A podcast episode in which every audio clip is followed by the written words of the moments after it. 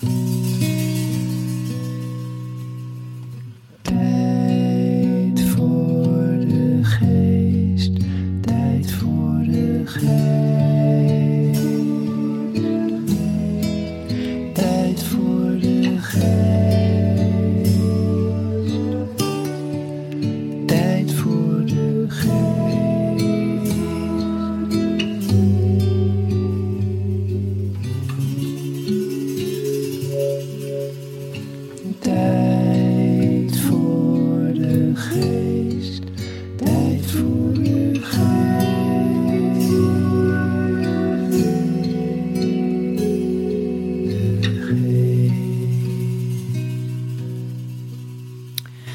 Welkom bij Tijd voor de Geest, een podcastserie van Museum van de Geest en Flow Magazine. In deze serie komen onder andere kunstenaars, schrijvers, illustratoren en fotografen aan het woord.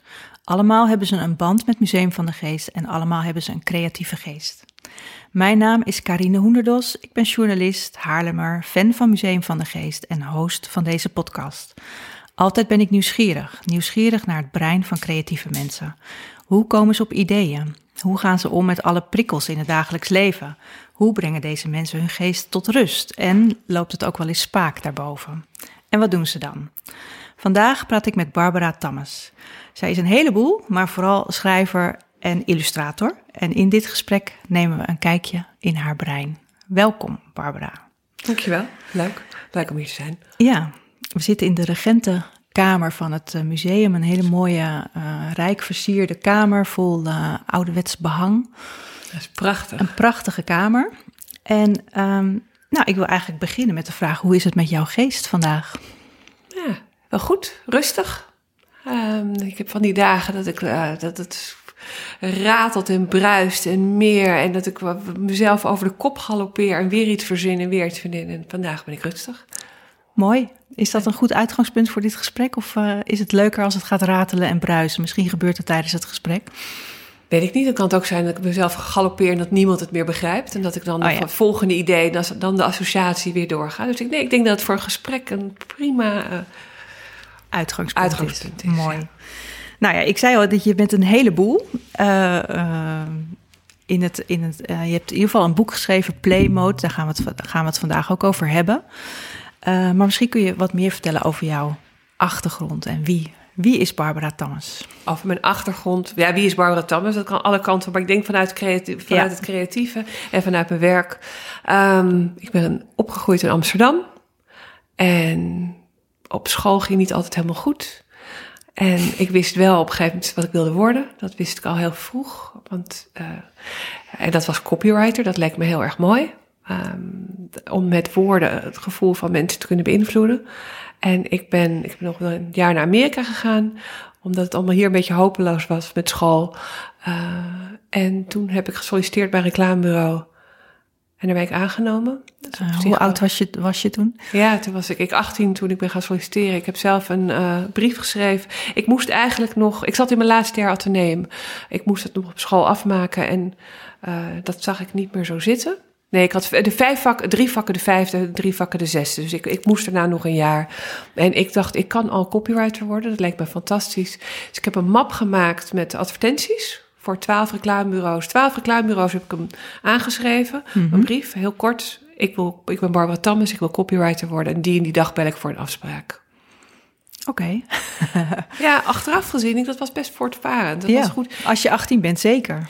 Ja, ja. Uh, maar ik, ik, wist het en ik wilde het graag. Um, toen heb ik voor elk reclamebureau heb ik in de klanten gekeken en heb ik één klant uitgezocht en daar heb ik een advertentie of een idee voor gemaakt. Dus ik had een map met twaalf dingen. Dus ik dacht, dan zijn ze altijd geïnteresseerd in ieder geval in één van mijn dingen uit mijn map, want het is voor een klant. Ik ben die dag achter de telefoon gaan zitten en ik kwam toen dat was Harry Kramp van PPGH. Dat is allemaal heel lang geleden, maar dat was toen het. Achteraf bleek het meest creatieve reclamebureau op dat moment. En hij zei: We hebben niemand nodig, dus je hoeft niet langs te komen. En, toen, en dat meende ik ook achteraf gezien. Denk, nou, dat is best slim, maar dat was helemaal niet zo slim bedoeld. En ik zei, nou, ik zou heel graag langs willen komen, want ik heb een map gemaakt. En als al die bureaus nou zeggen, dit is helemaal niks, dan ben ik gemotiveerd om mijn school af te maken. En dan ga ik Nederlands studeren en dan zie je me over vijf jaar weer terug. Alleen het is ook heel hinderlijk als ik denk dat ik het nu al kan. Um, dus zou ik het mogen laten zien? Mag ik mijn map komen laten zien? En dat was, nou oké, ja, nou kom maar morgenochtend negen uur. Dus, uh, is dat het enige bureau waar je uiteindelijk bent ja, geweest? Ja.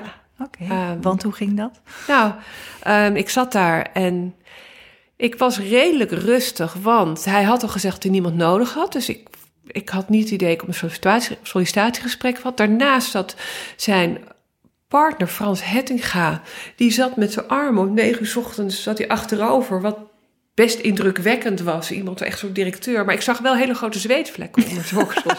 ik dacht, oh wacht even, jij bent ook maar gewoon een mens. Om negen uur s ochtends al met... Ja. Um, ik weet wel, want ik had ook een, uh, een concept gemaakt voor condooms. En ik wist dat is op de volgende pagina. En in die tijd bloosde ik al bij het minste geringste. Oh, ik weet wel, ik voelde het echt opkomen. En, maar goed, daar wilde ik me ook niet door laten weerhouden. Um, daar heb ik later ook wel iets op gevonden. Want ook toen ik op reclamebureau werkte en presentaties gaf, ging ik ook heel erg blozen. Um, Nee, dat heb ik Oh. opgelost door maar te zeggen. Ik ga zo meteen heel erg blozen en dat gaat zo meteen voorbij. Ja. En daardoor heb ik het soort ontkracht. Um, nee, toen ben ik aangenomen. Dus de volgende dag belden ze op. En, en dat was helemaal voor mij recht in de roos. Dat vond ik ongelooflijk leuk werk. Ja, ik, vind het wel heel bijzonder dat een, eh, een meisje van 18 bedenkt... ik wil copywriter worden. Ik bedoel, ik had allerlei beroepen in mijn hoofd, eh, op, ook op de middelbare school... maar copywriter, dat kwam volgens mij niet voor... en ook niet in de, in de hele klas, zeg maar. Had niemand dat idee. Nee, nou, ik, uh, mijn moeder was journalist voor tijdschriften. En op mijn achtste heb ik een typemachine gekregen. En ik, wist, ik heb eigenlijk altijd gezegd dat ik schrijfster wilde worden. Ik dacht dat ik wel Astrid Lindgren ging worden later. En toen kwam ik de, de, het vriendinnetje van de vriendin van de vader van een vriendin. Die vertelde dat ze een advertentie had gemaakt voor een bruin sapcentrifuge. en daar stond, jij zag dat apparaat en daar stond bij... dit is een glas spinazie. En ik vond vooral eigenlijk de, de combinatie van woord en beeld. Ja. Want het zinnetje is niet bijzonder en de foto is al helemaal niet bijzonder. Het was een foto van een apparaat en een zinnetje. Ja, Maar die twee dingen samen, die, die kregen kracht. concept. Ja. En dat vond ik heel erg leuk. En dat je daarmee gedrag kunt veranderen. En eigenlijk is dat wel nog... Dat, dat is gebleven in alles wat ik doe. Die combinatie. Oké, dus de gedachte dat je gedrag kon veranderen... door beeld en tekst te combineren. En wat trok je zo aan in dat gedrag willen veranderen? Ja, ehm, ja, dat is een goeie. Ik denk dat, dat, dat ja, natuurlijk, dat is toch leuk? Dat is toch vanzelfsprekend? Hoe, hoe kun je dat, ja... nou ja, dat je gevoel... Nee, eh, misschien daarvoor, voordat je gedrag verandert, verander je gevoel. Eh, en dat je dus dat in de hand hebt. Dat het je niet alleen maar Maar was het dan je droom om brown sapcentrifuges te gaan verkopen? Nee. Nee. Dus Nee. eh, de, wat was dan het gedrag wat je wilde gaan veranderen? Wil je dat verlangen opwekken? Of Nou, heel lang. Ik had ook gewoon jong, vond ik het vooral het leukst. ehm, dat je mensen kan laten lachen, kan laten nadenken. Dat je eh, van mening kunt veranderen. eh, dat je, en ik denk dat goede reclame wel altijd een, op een menselijk inzicht ge- ges- gestoeld is. Ik ben uiteindelijk, vind ik niet... Ik heb reclame heel erg lang gedaan. En eh, voor grote merken. En met enorm veel plezier. Ehm, maar soms had ik wel het idee dat ik meer van reclame hield dan de mensen waarvoor het was. Ehm, ja. dan de fabrikant. Die, als het alleen maar zit van nou verkoop dit maar en het interesseert me niet hoe ik het heb gemaakt. Ehm, die waren er ook en dat vind ik niet heel erg interessant. nee. nee. Dus het, het, het verkopen vind ik, ja dat doet het wel, maar dat is niet mijn, mode- waarom ik het zo ontzettend leuk vond. Nee, het gaat je meer om het gevoel wat je kan creëren bij de mensen die het zien. En, en de gedachten en dat ze Ja, eh, daardoor een beetje veranderen. ja.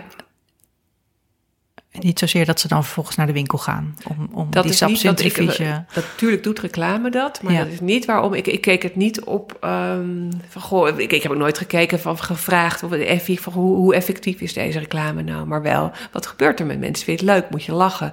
Ehm, ik, wat ik heel erg mooi vond, bijvoorbeeld, voor Douwe Egberts. eh, hebben gevraagd om een kerstcommercial te maken. En, ik, en, en het thema was toen eh, Thuis is Douwe Egberts. Ehm, thuis, koffie thuis, Douwe Egberts thuis is, thuis is zoiets. Ehm, en toen vond ik, ja, maar met kerst mis je vaak de mensen die er niet meer zijn. Het is een heel, ik we kunnen wel heel erg leuk doen dat alles gezellig bij elkaar is, maar het is ook echt absoluut het moment waarop je iemand mist. Dus toen heb ik in die commercial iemand gemaakt waar de oma heel duidelijk, de opa, er is op een gegeven moment een lege stoel en die wordt door een kleinzoon ingenomen. Ehm, wat ik daar mooi aan vond, gaat het, nou, gaat het koffie verkopen? Ik was niet bezig met koffie te verkopen, maar wel een geruststellend moment van: hé, hey, dit herkennen we allemaal. We Ja. missen allemaal iemand. eh, en, dat mis je, en dat mis je harder met kerst. Ja, ja. Oké. En eh, eh, je hebt dus, zeg je, al heel lang in de reclame gewerkt. Eh, ben je nu uit de reclame of wat doe je nu? Ehm, op een gegeven moment was ik, het wel, was ik er wel een beetje was ik er klaar mee. Dus eh, toen is mijn, eh, een van mijn twee beste vriendinnen overleden. Opeens nou, eh, kreeg ik wel een besef dat, nou ja, van de dood en dat iets eindig is. En ik had op dat moment een hele goede baan en een dikke BMW. En ik dacht, ja, dat wordt volgend jaar wordt die, verdien ik nog meer geld. En Wordt die BMW nog dikker? Wordt Ja. de BMW nog dikker en dan werk ik nog langer. En, maar is dit het nou? Dus toen ben ik gestopt en dat vind ik ook heel erg lekker. Ik hou ontzettend van beginnen en ik hou ook ontzettend van stoppen. Ehm, en toen ben ik een jaar naar Zuid-Afrika gegaan. En daarna, het kwam, wel, het, het kwam wel altijd weer terug. Toen heb ik ook op een gegeven moment eh, heb ik alleen voor groene bedrijven willen werken. Dus toen ging je toch weer de reclame in, maar Ja. dan meer specifiek voor de bedrijven waar Dat je een- iets bij voelde. Ja, dat heb ik een tijd gedaan, maar daar, daar kom ik ook wel weer van terug. Of ik vind een, een, een, een groot bedrijf, wat we misschien niet heel goed vinden, maar als die een aantal goede dingen wil doen, heeft dat soms veel meer effect dan een heel schattig, leuk klein bedrijfje wat zo, alles zo goed doet, maar Ja. geen Die hele hoge knuffelfactor heeft, maar eh, niet Ja. zoveel zoden aan de dijk zet. En het gekke is dus, ik ben, ja, het, het komt ook steeds wel weer terug. Want ik heb nu ook, ben ik wel weer voor een paar grote klanten bezig om te helpen met de positionering. Dus het is wel iets, en, dat, en ik blijf het leuk vinden. Ja, oké. En wat je net zei, vond ik ook wel opmerkelijk. Van, eh, ik hou van beginnen, maar ik hou ook van stoppen. Ja, En eh, leg dat eens uit. Hoe werkt dat? Eh, dat geeft ontzettende vrijheid. Ik hou ook niet van als alles af is. Ik, ik, ik krijg heel erg, denk ik, de zenuwstress als ik in een baan zit en alles zit vast en ik, ik kan er niet uit. Eh, ik heb nu, ik woon op een boerderij die niet af is. En dat vind ik heel erg fijn. Ik denk dat als alles helemaal kant en klaar af is, dan Dan ga je ja, moet het niet stuk, maar dan, dan, dan- ik, er zit ontzettend veel ruimte in dingen die niet af zijn. Ja. En als je ergens mee stopt, dan geeft dat ook weer heel veel ruimte. Ja. Dus als ik weet hoe het allemaal gaat gebeuren, als ik, als ik de, de, de- het verloop weet, eh, dan hoef ik het niet meer het te doen. Dan vind ik het heel fijn om ergens mee te stoppen. En is, dat, is, dat iets, is dit echt een karaktertrek van jou of hoort dit bij jouw creativiteit? Eh, wat is het verschil? Of het een karaktertrek is of bij me hoort? Nee, of het bij je creativiteit hoort. Dat, dat, je, eh, dat je steeds opnieuw geprikkeld moet worden met nieuwe dingen. Anders verliest, het, eh, verlies je de, de aandacht misschien of, de, of het geduld. Ehm, ja, ja het- ik, ik denk dat het bij mij hoort. En ik, ik zie het eigenlijk trouwens als iets positiefs. Je kunt het heel Mhm. negatief uitleggen van het, dat ik me snel dat ik me verveel. En dat is niet zo, want ik vind het heel erg leuk. Iets moet eerst grondig kloppen. En ik vind het leuk om een draai ergens aan te geven. En het moet kloppen. Maar dan hoef ik niet. Er zijn mensen die het leuk vinden om eenzelfde handeling honderd keer uit te voeren. En ik wil hem bedenken. En ik wil hem uitvoeren. En ik wil hem perfectioneren. En het hoeft niet perfect te zijn. Maar ik wil kijken, het proces kan iets sneller, beter, leuker.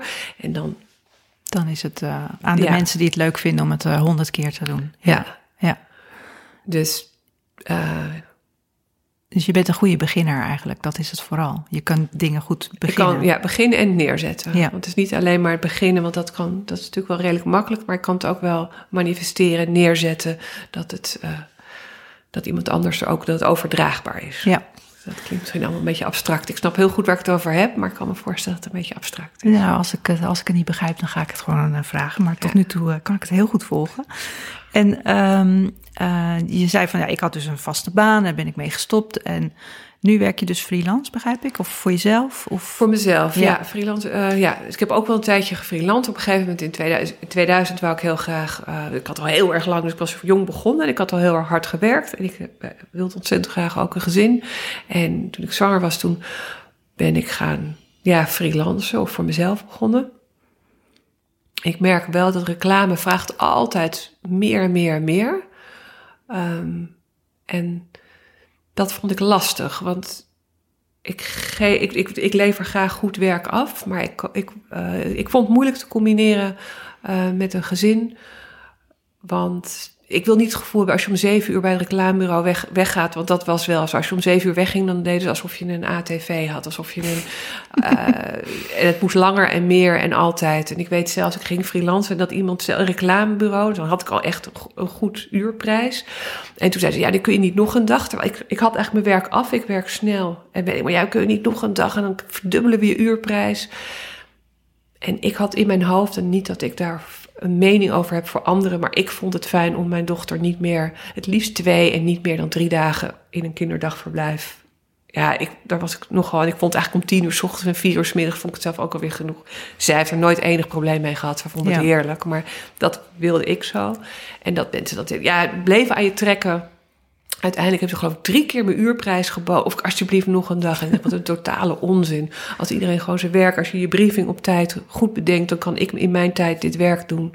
Eh, en dus dat, dat vond ik niet zo aantrekkelijk. Maar dat was niet je vraag. Nee, de vraag was van we- dat je dus nu aan het freelancen bent. En, en eh, of, nou eigenlijk was de vraag, Ja. achter de vraag of dat je dan nu die vrijheid geeft. Maar Ja. uit dit antwoord begrijp ik ja. Nee, ik ben, ik ben zelfstandig. Ja. Ehm, en ik, eh, ik neem klussen aan die ik leuk vind. En ik heb het fijn dat ik daarin gevonden word.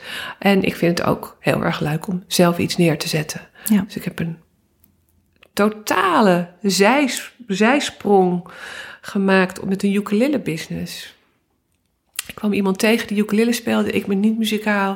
Ik dacht, wauw, dat is leuk. Waarom weet niet iedereen dat in twee uur tijd? Of, of, of je kunt het heel makkelijk leren. Dus toen zijn we samen workshops gaan...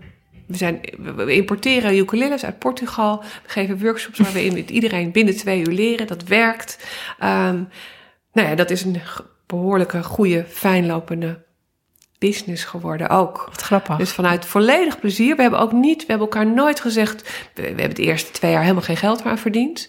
Ehm, Maar je wilde gewoon dit overbrengen van jongens, Ja, als je nou leuk. muziek wil maken, pak een ja, en ukulele. dat- ja, Ja, en hou, ja, ik, ik ben niet muzikaal. Maar ik vond het een ontzettend mooie boodschap. En ik vond het ook leuk om een eigen, in die zin een eigen merk te hebben. Ik heb altijd mensen geadviseerd. En nu kon ik het helemaal doen zoals ik vind dat het moet gebeuren. Zoals ik graag aangesproken wil worden en een nieuwsbrief en dingen erbij. En het mooi ingepakt en zorgvuldig. En plus, plus, plus. Ja. En online workshops en dit. En ehm, helemaal zoals jij het wilde, het hele pakket. Ja, ja, leuk. En, en eh, dit laatste boek wat je hebt geschreven, Play Mode, dat gaat over creativiteit. En eh, nou, deze podcastserie gaat ook over het creatieve brein. En je hebt een, een, eh, een, een heel goede poging gedaan, of in ieder geval, ik vind het heel goed gelukt om daar om dat creatieve proces te doorgronden. ja. Te kijken wat gebeurt er nou eigenlijk in het brein. Zou jij dat, ja, dat is natuurlijk moeilijk. Dit is best een dik boek, maar zou je het heel kort kunnen uitleggen? Ja, ik kan er wel iets. Nou, ehm, het heeft in ieder geval in die zin iets te maken. Dit boek wilde ik al schrijven voor de ukulele. Ehm, toen opeens kwam dat ertussen. Toen heb ik ook tegen mijn uitgever gezegd: nee, ik ga eerst een ander boek schrijven. En het grappige is, omdat ik niet muzikaal ben, eh, is het voor, kan, ik het, kan ik niet anders dan muziek daarover schrijven dan het heel simpel te maken. Ja. Dus dat is niet een, ik zet ook, het is niet een eh, verontschuldiging, eh, maar het is eigenlijk een aanbeveling. Daarna dacht ik, maar wat creativiteit, een, een idee verzinnen gaat bij mij redelijk automatisch, lijkt. Maar het gebeurt wel gewoon overdag aan tafel. Het is niet onder de douche. Dus ik dacht, ik wilde, kan ik nou wat ik heb gedaan voor muziek maken, dat versimpelen? Kan ik dat ook doen voor een proces maar wellicht?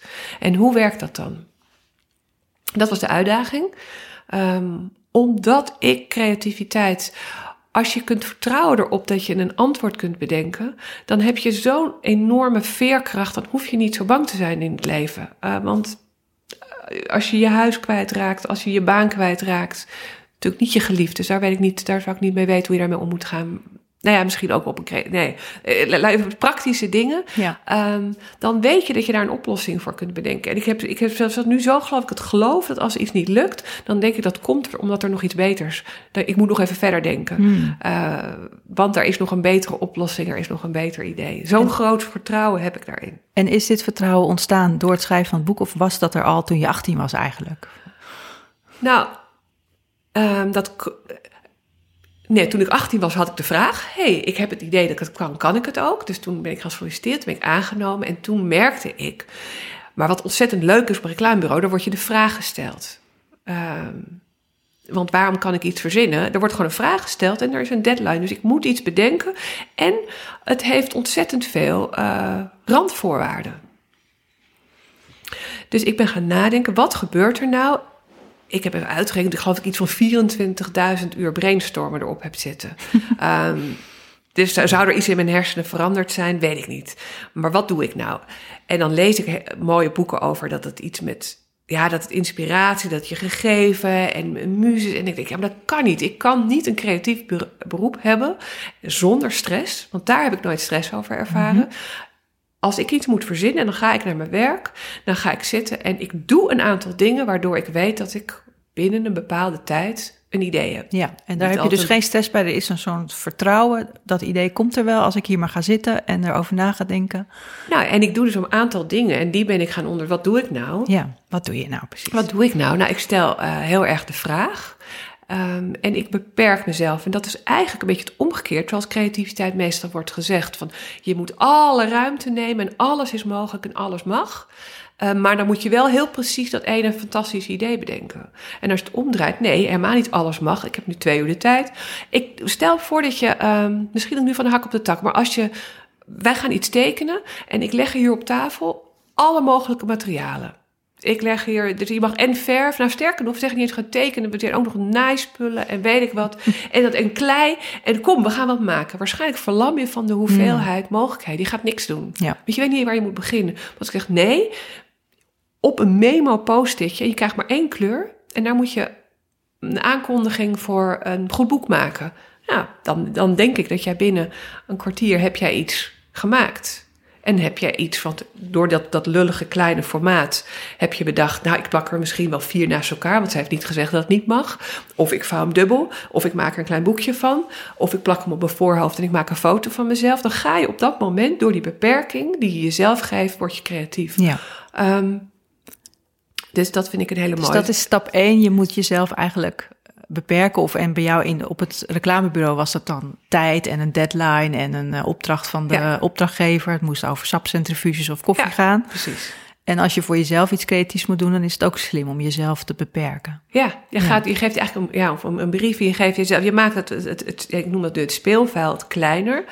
En um, ja, toen, dus er waren een aantal dingen die ik merkte dat ik die zelf deed. Dus ik stel mezelf heel erg de vraag. En ik fantaseer over een uitkomst. Uh, en jeetje, wat zou het, welke richting op zou ik het willen? En dat is ook natuurlijk wat ik in de reclame doe.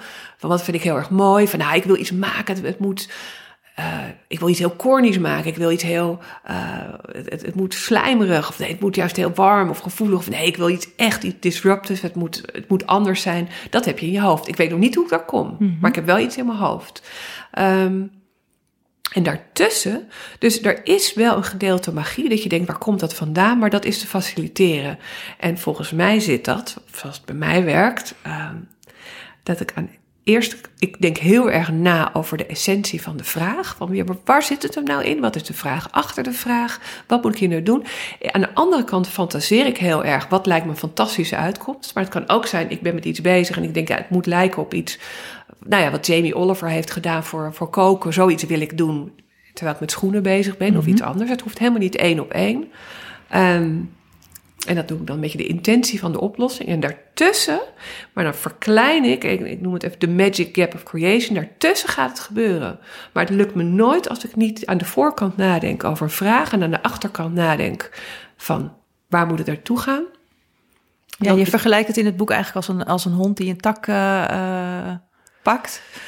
Eh, ja, nou ja, is- ik, ik zie dat je hersenen het een beetje vanzelf doen. Als ik nu die, die associatie, alsof ze alles willen oplossen, alsof je hersenen smetvrees hebben, als er twee dingen, en ik denk dat het ook zo is, als er twee dingen zijn die niet kloppen, eh, dan, ga- dan ga je hersenen dat verbinden met elkaar. Je gaat het kloppend maken. Dus eigenlijk gebeurt Smetvrees het al. van hersenen, dat vind ik mooi gezegd. Ja, dus als, er, als, het, als het eigenlijk lijkt te bijten, dan zorg je je hersenen uiteindelijk dat het zo bij elkaar Nou, komt. heel simpel, of ik in mijn boek zeg, als je geel en auto, als ik die twee dingen, dan zie jij in je hoofd een gele auto. Ja, terwijl kan die er twee niks aan dingen doen, Dus ja. automatisch, het zijn twee losse dingen die gooien en je, maakt er, je, je, je, maakt, je, je zet ze bij elkaar en je maakt er iets van. En ja, ik had een, een spelletje in het boek Mind Twister. Stel dat je, en dat is ook in de flow is dat geweest. Ja. ehm, als je twee objecten met elkaar probeert te verbinden. En dan kun je ze willekeurig. eh, je zoekt twee dingen, bijvoorbeeld op, op, op kleur uit. Nou, het moet rood, ik zie daar een stoel. En iets, eh nee, kom maar even niet, een, een wit, ik zie daar een zwaan. Ehm, probeer maar eens een stoel en een zwaan met elkaar te verbinden. Wat gebeurt er? Wat gebeurt er nu in je hoofd? Ja, Een stoel en een zwaan. Gebeurt er bij jou iets? zeker. Ik denk, heel gek, denk ik meteen aan die ouderwetse sleden van vroeger, die in de vorm van een zwaan Ja. waren gesneden. Ja, dus nee, er gebeurt altijd wat dan. Ja. Automatisch. Ja. En ik bedoel, ik zie En hier dat is, de die mooie mag- dat is de magic cap die, waar je het nu over hebt. Dat je Nou, hersenen... dat is eigenlijk wat dat, dat die hersenen het vanzelf wel doen als je maar die vraag stelt en ergens maar naartoe kunt. Als ik nog had gezegd erbij, het moet een nieuw product. Oké, de, de stoel en de zwaan en je moet een nieuw product maken. Gebeurt er iets? Ja, Nou, vertel. ja dan, zou, ik- dan zou ik dus nu een, eh, een, eh, een stoel gaan maken waar die mooie golf van een zwanenhals in voorkomt. Ja. Ja. Ja. Hadden we ooit eraan gedacht? Had jij ooit gedacht aan een stoel met een zwanenhals? Nee. Dus het is de vraag die je stelt. En dit is gewoon volledig hier. Nou ja, dus om, we zitten hier in die mooie regentenkamers. Daar zien we die zwaan. Je hersenen doen het vanzelf. Je moet ze alleen wel de vraag stellen. Ja. En het is natuurlijk fantastisch. En, en dan kun je ze door een hoepeltje laten springen. Dan maak je het iets moeilijker. Ehm, Je hersenen door een hoepeltje laten springen. ja, Ja. je gedachten door een hoepeltje. Je, je maakt het iets moeilijker. Maar dit is... ehm, en in, ja, ik had hier een vergelijking mee gemaakt. Dus daarom kom je het hondje in. In mindfulness wordt een vergelijking gemaakt met je gedachten als een puppy. Als je daarmee omgaat. Dus elke keer dat, die, dat ze afdwalen. Nou, hetzelfde met een puppy. Dan ga je niet, word je niet boos dat die puppy afdwaalt. Die vraagt dan elke keer weer terug. En Ja. zo zou je ook met je gedachten om moeten gaan. En hierin maakt de vergelijking. Het is alsof je die hersenen laat apporteren. Dus je zegt niet kom maar terug. Je zegt nee, ik gooi, ik gooi iets weg. Een rode stoel en een zwaan Kom maar met iets terug. Ja. kom er met iets terug. En dan is het grappig, want dan hebben volgens mij veel mensen denken: ah, dat is een stom idee, ik zeg het niet. Maar daar gaat het nu niet even om. Het gaat erom hoe snel, moeiteloos jouw hersenen voor jou ideeën komen aanbrengen. Die leggen het voor je voeten neer. Ja. Ehm, dan is het een kwestie om te gaan van, nee, wacht even, dan ga je ze trainen. Die, die, die, die, hersenhond. Van, ik wil dat je met iets lang, kun je nog met iets anders terugkomen. Ehm, Met een mooiere tak uit het bos. Ja. ja, nog, of, of meer, meer kun je. eh, Maar is dat iets wat mensen eh, tegen kan houden? Dat ze inderdaad zo'n innerlijke criticus hebben. Denken van, oh, dit, dit is een, een raar idee. Een, een stoel Ja. in de vorm van een zwanenhals. Ja, ja, kom op Carine, dat kan echt niet. dat denk ik wel. Ja. Ehm, En hoe is dat bij jou? ik heb daar niet zo last van. Ehm, maar dat komt omdat ik mezelf de opdracht stel. Eh, nee, ik ben, ik ben daarin ontzettend aardig voor mezelf. En dat, zou ik, dat gun ik iedereen. Ehm, ook omdat ik er natuurlijk aan gewend ben. Er zit heel, er een slecht idee zit vaak voor je in, je in je hoofd. En dat kan niet anders, die moet er eerst uit. En eh, die moet je uitspreken. En het is fijn. En ik heb met ongelooflijk fijne collega's gewerkt. En dan ga je samen brainstormen. En dat bent met z'n tweeën, dan zit je op een kamer. Ehm, en we weten allebei van elkaar, dat stomme idee moet er eerst uit. Eh, en je gaat op elkaars idee verder. En niets is zo inspirerend trouwens, ook als een stom idee. Want dan weet je meteen, nee, natuurlijk niet. Dat moet het niet zijn, het moet dat zijn. Ja. Ehm, en dat betekent Het niet geeft dat richting dan. ja, en dat betekent niet dat het slecht is. Dat je iets slecht hebt. Het zou hetzelfde zijn als wij samen nu... Jij bent je sleutels kwijt. En dan gaan we naar op zoek. Het zou ontzettend stom zijn als jij zou zeggen... Als ik zou kijken, nou, ik ga even daar onder het kastje kijken. Dan zeg je, nee, natuurlijk, daar liggen ze niet. Dat zou, dat zou je toch nooit tegen me zeggen? Nee. Nee. Wij moeten kijken. We gaan, eer, we gaan op de hele voor de hand liggende plekken? Of zou het in je zak zitten? Mhm. Oh, duh. Ja, maar zou zomaar eens kunnen zijn. Vaak zit het toch in je zak. Het is vaak ook een goed idee. Ligt vaak op het puntje van je schoenen. Dus Ja. eh, daar zou het kunnen zijn. En het is, als ik in de ijskast ga kijken naar jouw sleutels... dat is een heel gekke plek. Zou zomaar kunnen. Ja, Het zou zo, ja, maar als we ze daar vinden, was het wel briljant dat, ik daar, dat we daar hebben gekeken. Ja.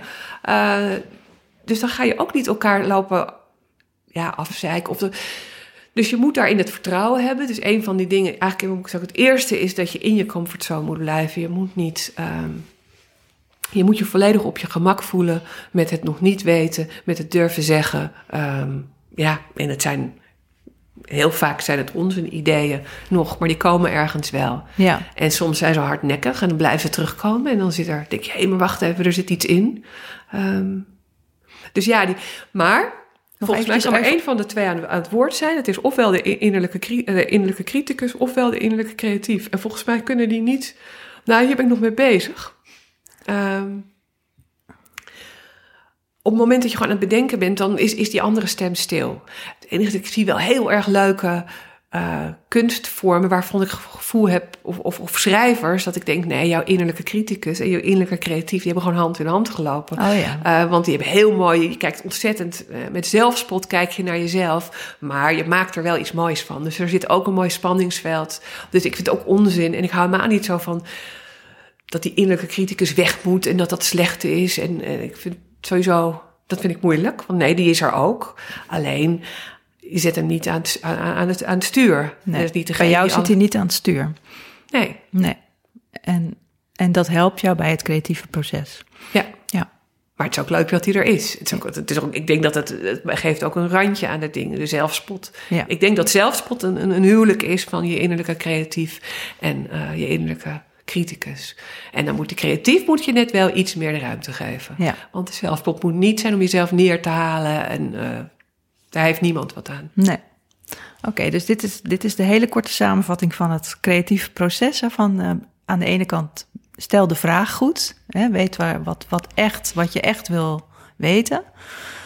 Ja, of kan, kantelen, speel met de vraag. Ja, speel met de vraag. Eh, denk in de verte aan een uitkomst. En probeer die twee te verbinden. En dan heb je die magic cap. En we hebben er dus ook vertrouwen in dat het wel komt. Want je zegt, jij blijft in je comfortzone, ook als je het niet weet. Ik denk dat heel veel mensen dan direct uit hun comfortzone schieten. Oh, help, ik heb geen idee. En oh, komt het wel? Ja. En Als je dan het idee niet hebt, dan volgens mij moet je niet harder proberen aan het idee te denken. Dan moet je harder proberen te sleutelen aan die vraag en aan die intentie. Dus je moet niet gaan denken, oh, want dat is, ja, net zoals dat schrijf ik in mijn boek, eh, ja, dan moet je out of the box denken. Dat is hetzelfde als midden op zee overboord slaan en zeggen, je ga maar zwemmen. Je weet niet welke kant je op moet zwemmen. Dus ik geloof daar niet zo in. Ik denk dat je juist, maak het kleiner, maak het beperkter. Zeg tegen jezelf, verzin een slecht idee. Of ik moet nu binnen 10 minuten een idee hebben. En dat is het gewoon. Dat, de, ehm, dus weer die beperking geven aan jezelf. Ja. ja. Ja, ja ik vond het ook heel mooi dat je, en, en fijn dat je eh, afrekende met die mythe van dat je out of the box moet denken. ja. Want jij, jij bent het daar helemaal niet mee eens. Nou, ik, ik, ik vind het leuk om ermee te spelen. Ik vind het leuk om het om te draaien. Eh, dus dat eh, alles wat even om kan draaien, dat dat dan ook nog klopt. Dat, dat, net zoals dat je in de comfortzone, we zeggen ook altijd, je leven begint aan het einde van je comfortzone. Je, moet, eh, je moet je op je gemak voelen met het niet weten. Nou ja, en think inside the box. Ik zie dat mensen daarvan, en ik zou dat ook, als dat moet, je weet, dat geeft geen richting. Je weet niet wat je dan moet denken.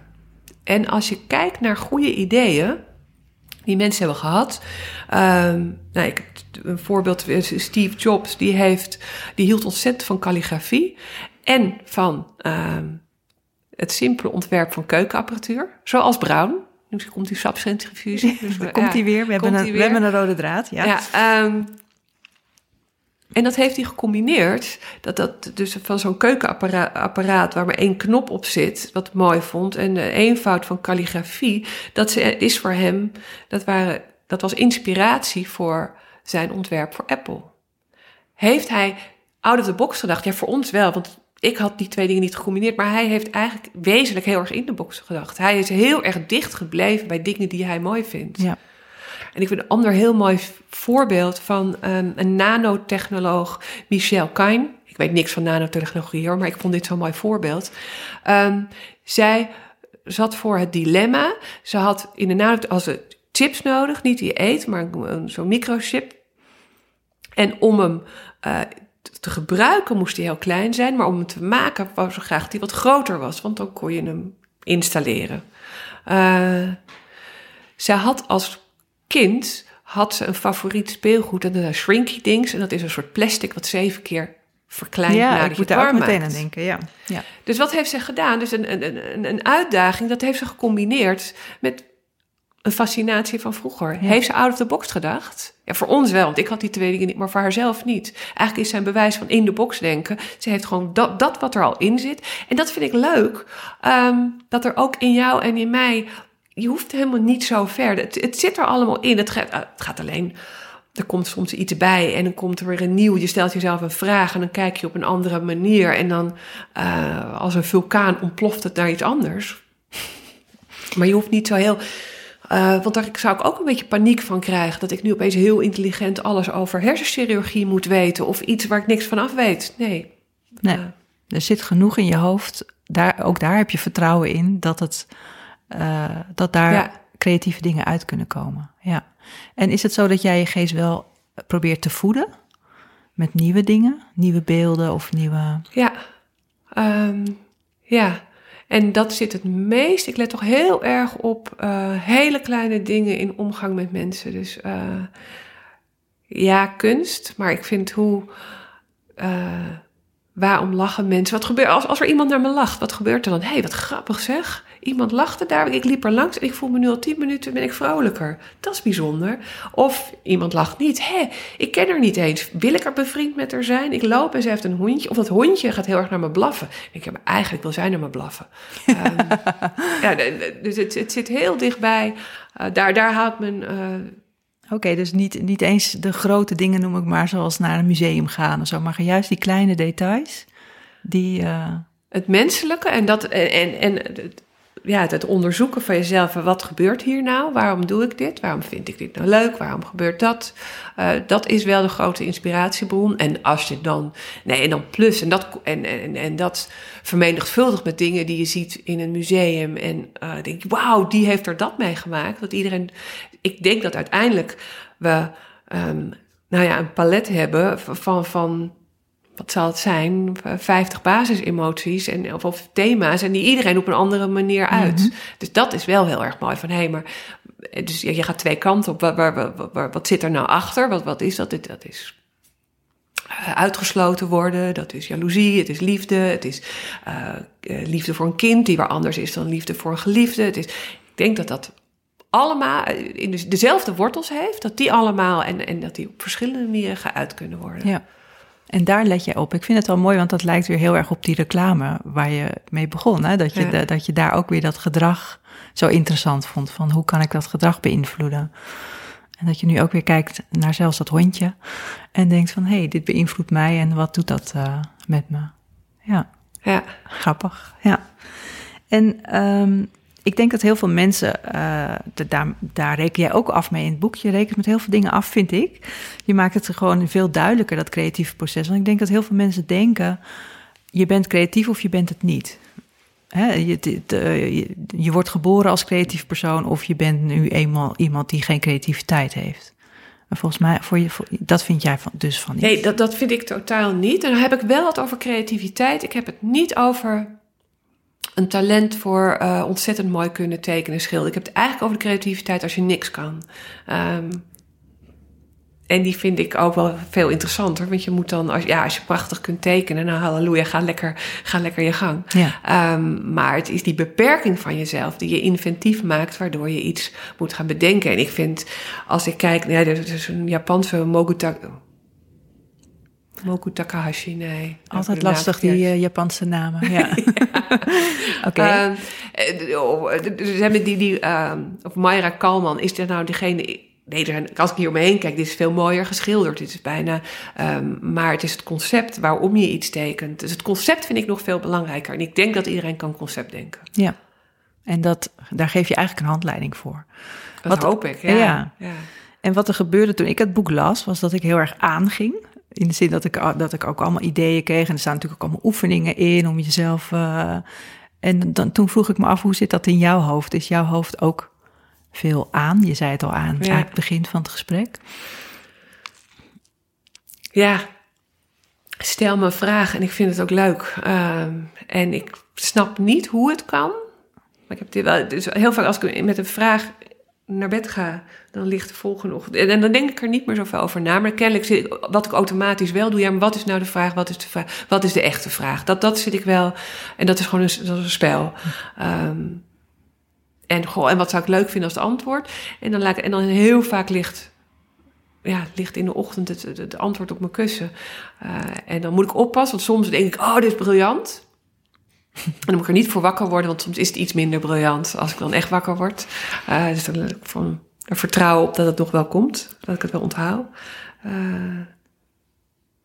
Maar heb, Ja. je, er- heb je er ook wel eens eh, last van dat je hoofd zo vol zit met ideeën altijd?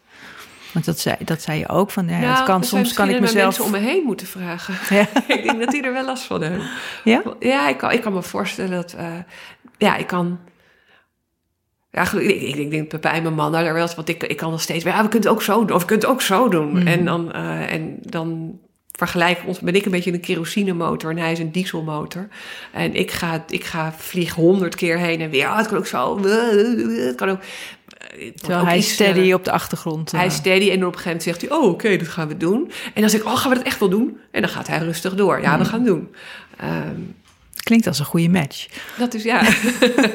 dus heb ik er last van. Nou, met hem... eh, eh, het is fijn om met naast, zo, naast een, dieselmotor eh, te leven. Ehm, heb ik er last van? Nou, misschien dat ik wel iets te veel verbeeld wat andere mensen allemaal kunnen denken. Dat, dat, ik denk dat iedereen dat wel... dat, dat zou ik wel eens een beetje uit kunnen zetten. Dat je, dat je langs dat hondje loopt en dat hondje begint te blaffen... en dat je dan denkt, oh, eigenlijk wil die mevrouw tegen mij blaffen. Dat soort gedachten. Ja. En, en, en als je in de goede bij bent, is het leuk. En ik denk, nou, volgens mij is dat echt zo. Ik denk dat het echt zo is. Dat mensen... ja, ik denk, op, dat, dat, dat een hondje... Eigenlijk, eigenlijk stuurt zij erop uit. Het hondje voelt door die lijn wat zij wil doen. Maar zij is beleefd. En het hondje gaat naar je keffen.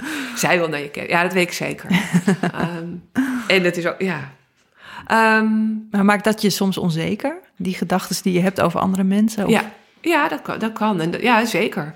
Ehm, en dan moet ik mezelf toespreken van niemand is met mij bezig. Want ik ben ook niet met die ander. We zijn eigenlijk al met onszelf bezig. En niemand neemt zoveel de tijd voor, voor, voor je om nou eens helemaal daar ontzettend een mening over je te hebben. Ja. Dus, ehm, maar als ik een dag vrij heb, dat vind ik dan grappig. Dan hoef ik niet te werken. Ik denk, nou, en wat doe ik dan? Dan sta ik op en in mijn pyjama en dan ga ik... Ik heb een oude typemachine weer gekocht, een hele mooie Hermes. En dan ga ik lekker zitten typen. maar dan hoef ik niks. En dat, dat is- ik, wauw, heerlijk. En dan ga ik zitten schilderen en typen en dat niks hoeft. Ik, ja, ik vind het dus ook wel echt leuk. Het is ook... ehm, en het hoeft voor mij nooit iets te worden. Dus ik ben de minst ambitieuze in dat opzicht. Ik ben echt heel erg aardig voor mezelf.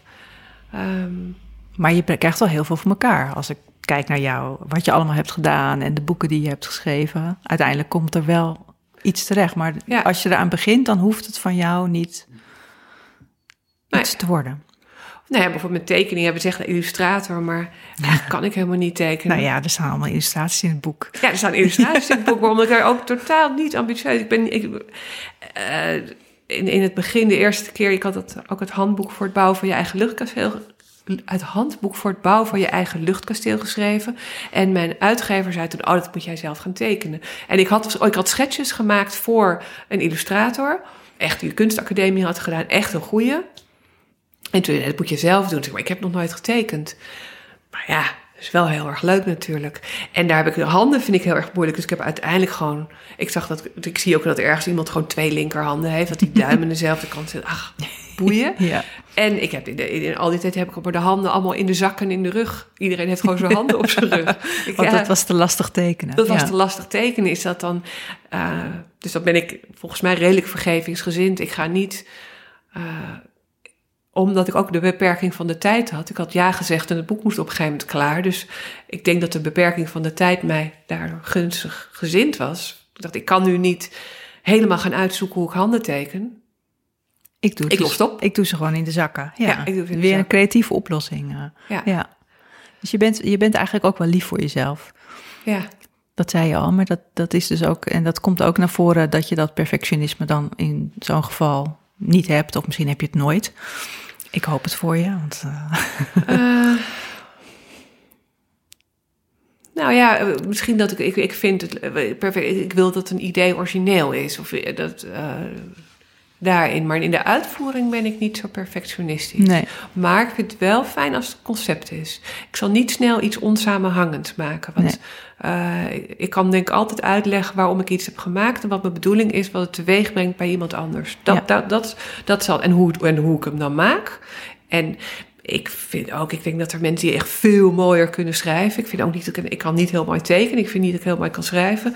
Maar ik kan wel een idee bedenken Ja. En overbrengen. en overbrengen. Ja. Als ik dat van mezelf mag zeggen. Ja, ah, vind ik wel. Ja, dat mag je van jezelf zeggen, want Ja. eh, ik vind in ieder geval dat je het ook Ja. kan en volgens mij kan je dat ook Dankjewel. gewoon. Ja, ja. En ehm, ehm, want we, ja, deze, deze podcast gaat ook vaak over de geest. En ik vroeg al net al aan jou van als je, als je hoofd vol zit, wat doe je dan? Wat doe jij überhaupt om je geest gezond te houden? En heb je ook wel eens ja, periodes gehad waarin dat lastiger was? Ja, zeker. Ehm, ik heb, nou, voor mijn geest is het heel erg goed om veel alleen te zijn. Ehm, ik word, ja, nee, dat heb ik heel erg nodig. Want kennelijk als ik met mensen om me heen ben, dan stem ik me toch af. En dan, eh, nou, er gebeurt veel. Ik, ik zie, dat ik zie veel, ik hoor veel, ik ruik veel. Weet ik, dus echt, en ik eh, vind het ook fijn om alleen te zijn. Dus dat heb ik absoluut nodig. Ehm, goed slapen. Goed slapen en alleen zijn. En dan, Dan kom je een heel eind. dan kom ik een heel eind. En zijn er wel eens periodes geweest dat je, dat je daar niet genoeg aan toe kwam Ja. en dat het dan dus misging? Ja, ja. Nou ja, ik heb het idee dat er, er, zit, er zit een somberheid die die, ehm, nou, die die altijd wel op de passagiersstoel meereist. En, ehm, en ook die moet niet aan het stuur, maar die is er wel altijd. Dus het is niet een, eh, die ken ik. Ehm, En heeft hij wel eens de boventoon gekregen? Heeft hij wel eens wel aan het stuur gezeten? niet lang, denk ik. Ehm, En ben je er wel eens bang voor? Nee, ik ben er niet bang voor. Nee, ik, ik, ik denk dat dat, ik denk dat ik het. eh, ik mag ook. Jeetje, dat klinkt wel echt heel aardig van mezelf. Ik geloof dat ik ook wel eer. ehm, nou ja, misschien echt ontzettende eerlijkheid ook naar jezelf toe. Dat is het enige voorschot die je hebt, de voorsprong op de middelmatigheid. En ik vind het ook. Ik ben opgegroeid met twee vriendinnen en die allebei psychologie, waarin we alles aan elkaar vertelden. En niet uit een soort sensatie van. Nou heb ik dit meegemaakt, maar meteen om uit te pluizen. Hoe zit dat nou? Ehm, dus ik ben wel opgegroeid dat, dat, dat het er mag zijn, denk ik. Dat je. eh,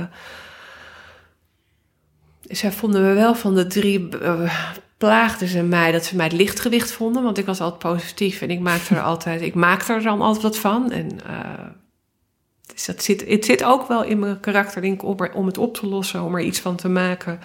Eh, Die veerkracht. ja, om Ja. er niet helemaal in te blijven. Maar ik ken het absoluut.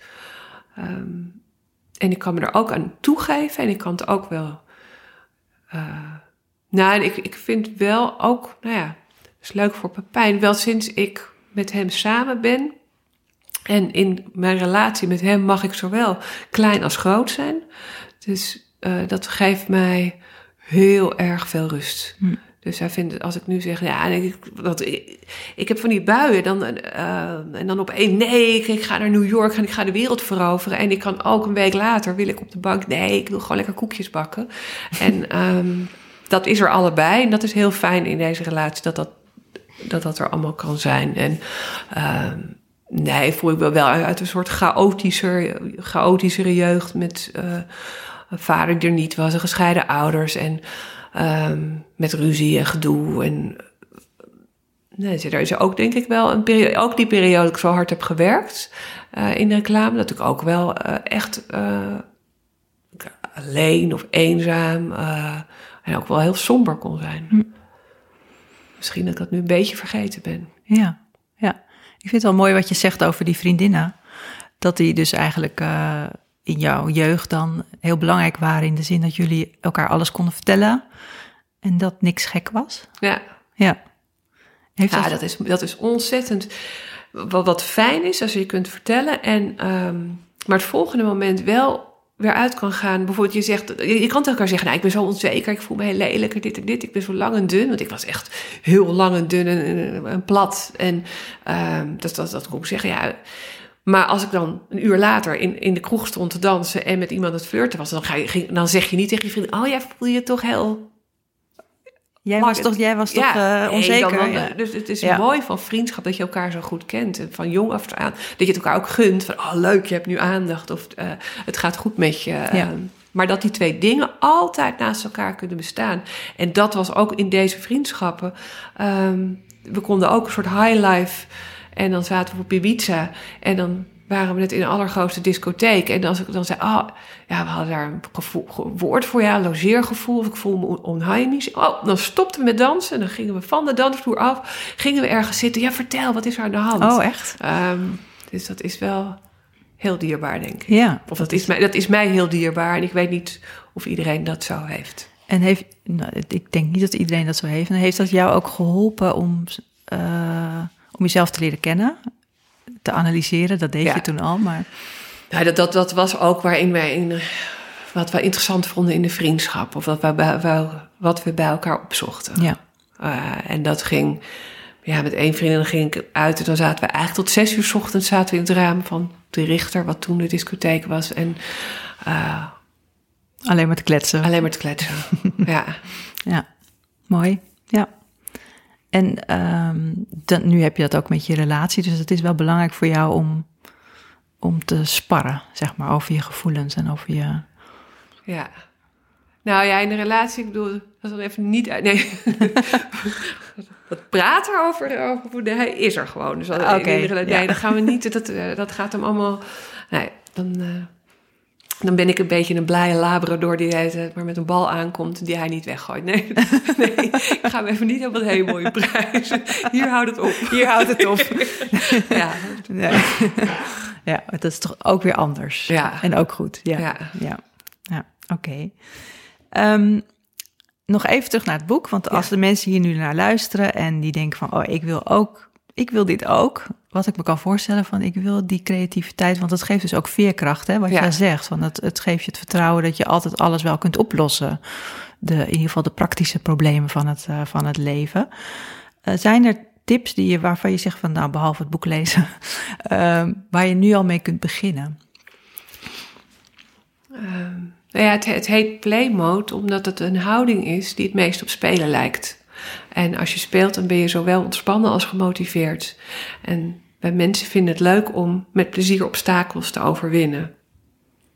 Ik bedoel, we gaan een heel golfcourse aanleggen met heel veel geld om bergjes en heuveltjes. En, terwijl natuurlijk als je iets wil oplossen, dan pak je het balletje en dan gooi je het in het putje in het hol, en dan is het een hole in one. Maar dat vinden we niet leuk. We vinden het leuk om heel ingewikkeld te doen met een karretje en allemaal clubs. Die hebben getallen en dat moet in zoveel keer.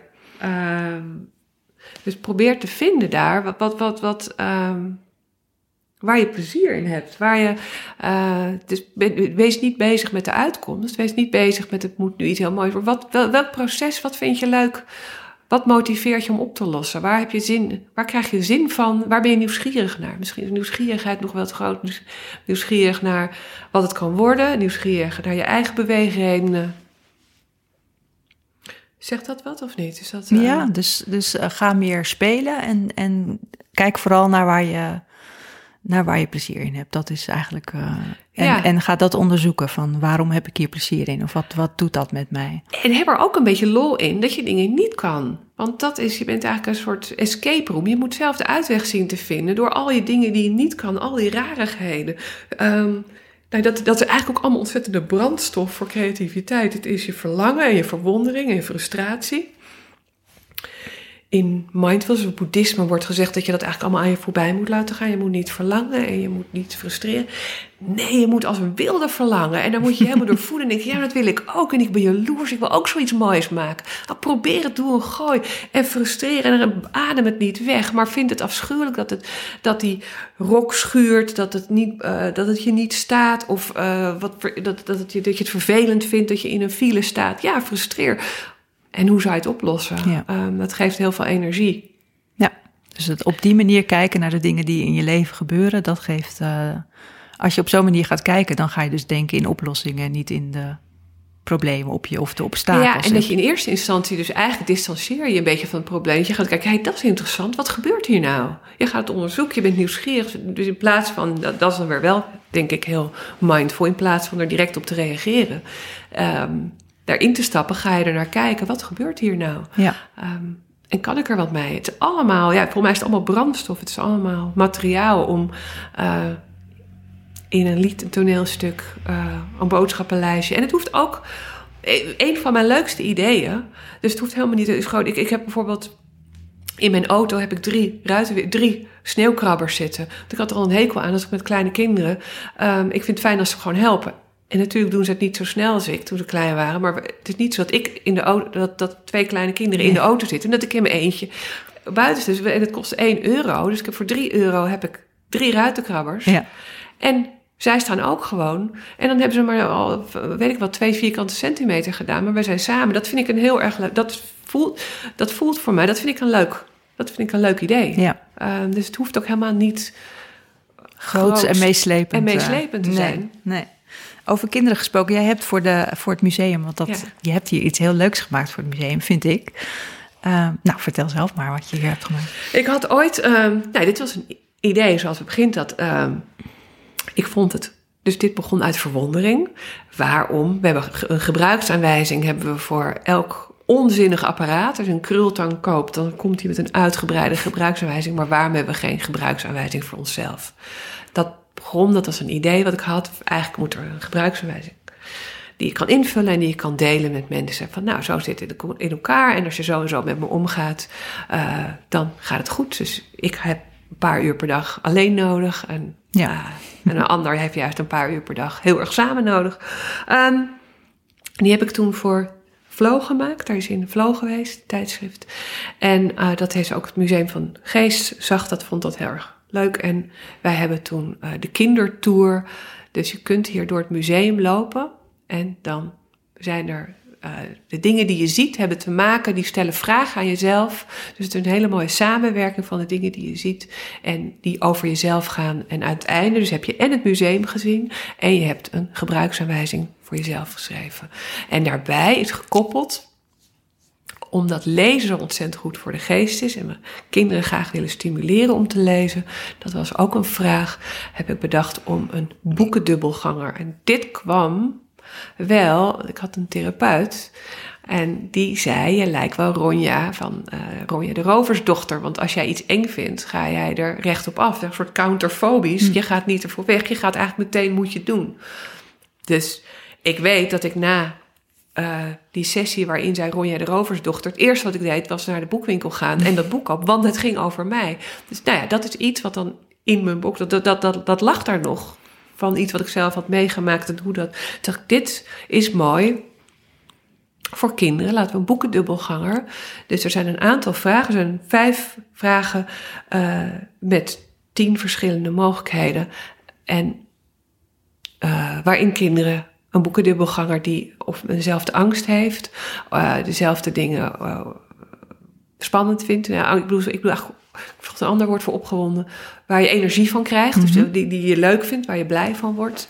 Um, en dat is, ja, dat is echt fantastisch. En dat merk ik. Uh, ik ben met mijn dochter hier doorheen gegaan. Ja, ik vroeg me af, heb jij kinderen, uh, heb je ervaren hoe kinderen dit ervaren? Ik vond het leuk ja. dat mijn dochter van 18, die ging meteen, oh, die, wil, die wilde al de boekendubbelgangers weten. En ja, ik wil eigenlijk ook wel met boekendubbelganger nou, weten. Heel erg leuk. We zijn nu ook, uh, gaan we de boekendubbelganger voor de jong adult maken. Dus ben ik nu mee bezig. Ja, dat ben ik. Dat kan nog best. Ja, en ik vind ook, nee, maar ja. ik, ik, ik vind het ook, ik wil ook gewoon. Uh, ja, jij weet hem al. Jij, weet, jij hebt Ronja, dus. Uh, ja, maar er zijn er meerdere, want je hebt natuurlijk meerdere kanten. Het is niet één. En dat vind ik ook leuk. Dus je hebt iemand dus je, waar in situaties die, die je gelijk, waar je in dezelfde situatie zit. En waar je ook van kan leren hoe die persoon, dat fictieve persoon, dat is een soort papieren vriend, hoe die daarmee om is gegaan. Hoe die daarmee omgaat. En daar kun je van leren. Nee, jij moet ook. Nou, ik, ik ben er meerdere ook trouwens. Ja. Voor alles. Ja. En jij ook. Ja, natuurlijk. Ja. We gaan. eh, Nee, we, we gaan. Ik, ik, ik vind ook eh, bij, bij deze, ik weet niet hoe we het gaan doen, maar ik vind ook dat er moet absoluut ook. Dus we gaan eerst de young adult en daarna gaan we gewoon voor de Voor volwassenen. volwassenen ook de gebruiksaanwijzing van jezelf en Plus een boekendubbelganger. Nou, heel Ja. mooi. Als het museum weer open gaat, of als je het luistert, is het al open. Ga er naartoe en ga eh, Kijk hoe ver we zijn. Kijk hoe ver we zijn, inderdaad. Ja. Oké, nou, ik wil je heel erg bedanken voor dit, eh, voor dit mooie gesprek over creativiteit. En ik vond het heel inspirerend. Dankjewel. Ik vond het heel erg leuk om te doen en dankjewel voor je vragen. Mooi, oké. Nou, je luisterde naar Tijd voor de Geest, een podcast van het Museum van de Geest en Flow Magazine. De producer is Jonne Cerise. De tune is van Spinvis en mijn naam is Carine Hoenderdos. Wil je meer weten over het museum, over deze podcast of over Flow Magazine? Bezoek dan www.museumvandegeest.nl of www.flowmagazine.nl. Abonneer je op deze podcast bij iTunes en laat een review achter of deel deze podcast met vrienden en familie, zodat zij ook eens tijd maken voor de geest. Tot de volgende keer.